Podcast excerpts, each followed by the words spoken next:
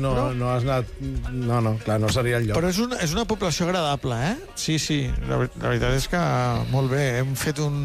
A més, hem tingut un trajecte d'una hora eh, de Praga a Pilsen i hem pogut entrar en la tardor eh, de Bohèmia, perquè Mm. m'ha explicat el Bernat, m'ha fet una lectura geogràfica, històrica, social, molt interessant. I, i bé, molt maco, molt maco. Bé, doncs, eh, contents, contents que la, la parella de la TDT estigui satisfeta. Que ha fet un viatge molt poètic a través de... Parece una room movie. Sí, exacte, ens ho estic imaginant. a més Bohèmia hem, hem, sona, de salvar, el- hem de Bohèmia- salvar el desplaçament. Bohèmia sona com bé, com que has anat a un lloc que té, Ui, doncs que, mira, que té encant. dem- demà et recomano que a la TET farem una, fa- farem una penetració en el terme de Bohèmia, en la regió Bohèmia, en, Ah. el, en com, com, com va arribar el Bohèmia a ser un adjectiu és per alguna cosa. imperdible. Penetració, bohèmia... Però és que demà a la TDT hi hem d'afegir molts al·licients. Ricard, i és interessant que ens expliqueu Sí, història. Home, ja. sempre hi ha coses a la vida per aprendre, sempre Segur, hi ha moments... Són, és una oportunitat, la transmissió de demà, també. Jo estic d'acord, estic molt interessat en veure Iñaki Penya i Elias, ja, ja ho he dit abans. Però això serà demà, amb aquest... Amb aquest uh, Sí, avui toca Lewandowski, Avui oi? toca Lewandowski i ja... Bé, ja no és que hi hagi posicions diferents, però sí hi ha mirades diferents sobre una mateixa estadística, aquesta estadística que apropa Lewandowski al 50% dels gols que fa el Barça, a mi em sembla preocupant, la Sònia ho ha comparat amb Holland i pot ser que no, que no ho sigui tant. És bo o dolent, eh, bona o dolenta en aquest cas la Lewandowski dependència? Aviam, d'entrada la dependència fa la sensació que en, en qualsevol àmbit de la vida no és gaire bona, no? És, Mm, potser no. És un terme que... Eh, És un terme estigmatitzat, estic d'acord, però, Sí, però vam no? estar com gairebé 15 anys amb Messi dependència i tampoc ens va anar Mm. molt malament. Però jo no sé si vam tenir els 15 anys Messi de No, dependència. això és veritat. No? Clar, eh, són etapes diferents. Aviam, d'entrada, jo crec que hi ha dues, dues dependències futbolístiques. Una que seria una dependència des del punt de vista del rendiment i una altra des del punt de vista del joc.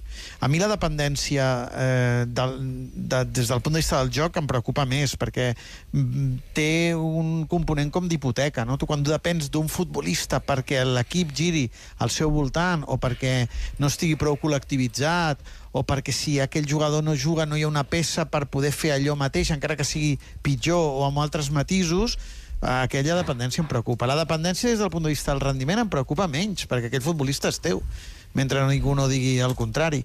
I ja sabíem que si venia Lewandowski, una de les coses que havia de portar el polonès era escurçar els terminis eh, eh, respecte al, al que és la reconstrucció d'un equip o el creixement d'un equip.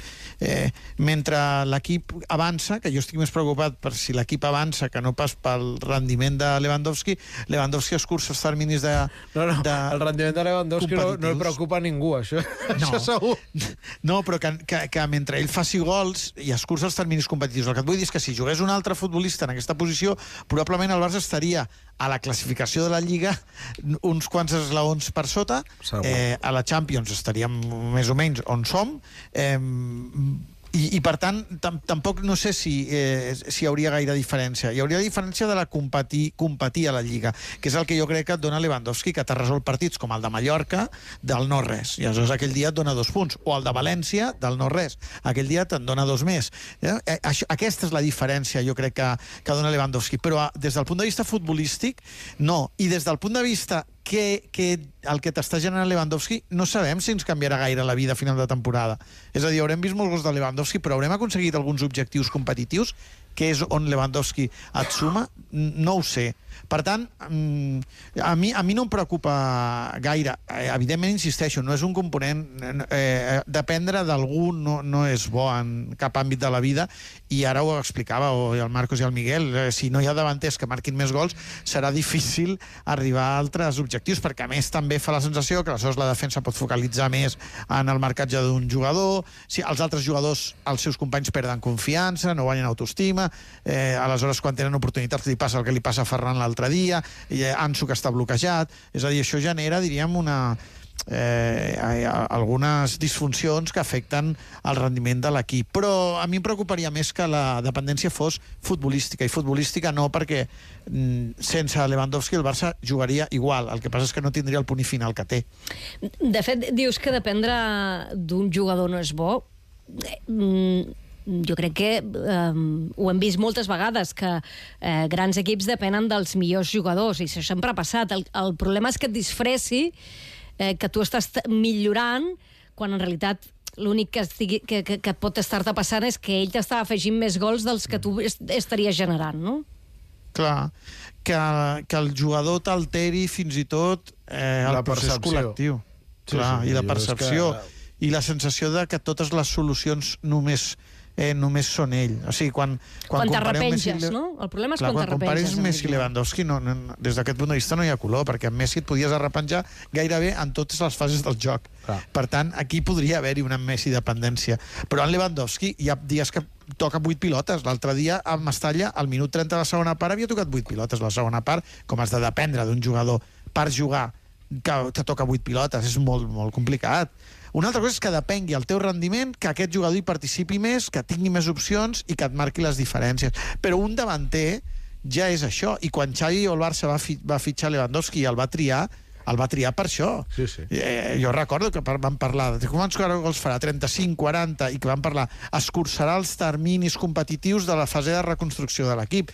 Està complint amb el que tocava. A mi no em sorprèn gens eh, eh, em sorprèn en positiu, si vols, perquè són molts gols, és una animalada, les dades que donava ara el Roger del laboratori de, de la TDT, però, però no, no és un escenari que, que, que trobi especialment preocupant, perquè pensant en, el, en això, en els passos endavant de l'equip, en com creix l'equip, eh, no, no ens podem arrepenjar gaire en ell, de dir, "Bé, ara començarem a penjar pilotes perquè Lewandowski... No, l'equip farà millor o pitjor el que està fent, però no et condiciona, perquè ell és el punt i final, ell és el futbolista que ha vingut per marcar diferències. Hi ha altres coses més preocupants, que tinguis un porter que t'atura i un davanter que et marca diferències i resulta que ets fora d'Europa. Això és, potser és més preocupant. ens quedem en, en la xifra total i puntualment en el partit de Mallorca, que te'l guanya ell, i en el de Mestalla, que també, però ens oblidem en, en el camí de la quantitat de partits que l'1-0 l'ha fet eh, Lewandowski, que també, en, que també en són uns quants. Eh, per tant, Ricard, en la, a la pregunta que fem avui a la nostra audiència, si el Barça actual depèn més de Lewandowski que l'anterior de Messi, entenc que tu respons que no. Jo crec que no. Ara, si em dius... Eh, eh, clar, eh, jo crec que no. En general jo contestaria que no. Eh, una altra cosa és que em diguis, clar, eh, és que ha fet el 48% dels gols. Ja, bé, doncs que el Barça estaria en lloc de segon, estaria quart, però continuaríem estant fora d'Europa. És a dir, no ens hauria canviat la vida eh, amb menys gols de Lewandowski i amb un altre davanter centre. La, la tindríem una miqueta més fumuda, aniríem una miqueta més lents, estaríem una miqueta més nerviosos, però, mm, però és que a Europa ja hem fallat i a la Lliga doncs, eh, som on Lewandowski ens ha deixat estar, que és ara sí mirar competint amb el Madrid ara mateix, que si no hi hagués estat ell, doncs potser estaríem més a prop de l'any passat que no pas d'aquest. Mm. Bé, doncs, eh, el Ricard, que no l'amoïna especialment aquesta dependència, de la, com a mínim, de l'estadística de, de Lewandowski. A mi, ja ho he dit abans, em fa mm, vaja, crec que ho vam comentar a la TDT l'altre dia, em fa por Mhm. que l'efecte Lewandowski estigui emmascarant un equip que no tira. Però bé, avui Xavi ens ha demanat paciència, calma, doncs n'haurem de, n'haurem de tenir. Ricard, acabo. De, uh, més enllà del, de, la, eh, de la penetració a Bohèmia, del partit de demà hi ha alguna cosa que, que et motivi? Bé, una mica el que parlàveu, veure jugadors que demà tenen oportunitats. Hi ha tants futbolistes que necessiten fer un pas endavant o recuperar cert equilibri que pot ser un partit interessant. Eh, tot i que és veritat que el Mundial el tenim tan a prop que fa la sensació que aquí el que has de salvar són aquests dos partits que queden de Lliga, uh -huh. arribar al Mundial i esperar que en algun moment hi hagi un clic o hi hagi un punt d'inflexió, perquè és que ara sí, fins i tot et dic, si ara el Barça en aquests tres partits canvia molt i després la cosa ve al Mundial, Home, no, tindràs la ara sensació que t'han tallat en el moment Si just. ara dos recitals contra l'Almeria i Osasuna, llavors, amb perdó, ens cagarem en el, en el Clar, és que Mundial. aleshores no... al desembre ja no ens en recordarem, no hi haurà de fil conductor. No, no, no. Per tant, bé, veure, veure jugadors, aviam si poden acabar una miqueta amb el cap més alt i... Si tu i- apostes per, per, per tres victòries no especialment brillants per no fer-nos mala sang. Sí, és que em preocupa, dels tres, em preocupa molt el partit de Pamplona, Home, i molt, Sí, sí, sí, molt. sí. Jo crec que Osasuna està a un nivell altíssim, és el típic equip que a més et passiga i no et deixa viure, eh, que, que cada cop té més variants, que té la pilota, que te la pren, que la juga, és un equip que m'encanta i és justament el partit que eh, previ a l'aturada.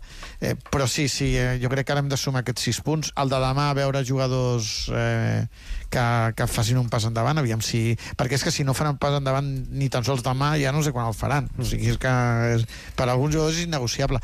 I, I veure quina alineació fa, perquè mm, amb tants jugadors pendents del Mundial no sé, no sé qui, què prioritzarà Xavi o quins jugadors descansaran i quins eh, tindran més minuts. De moment, Iñaki Peña, Pablo Torre i nou més. Ja demà demà que a les 8, mira, a aquesta hora, quan estigui a punt d'arrencar la TDT, m'imagino que ja haurà sortit del forn la, la convocatòria. Ricard, gràcies, t'escoltem demà. Bona castanyada, adéu. Igualment.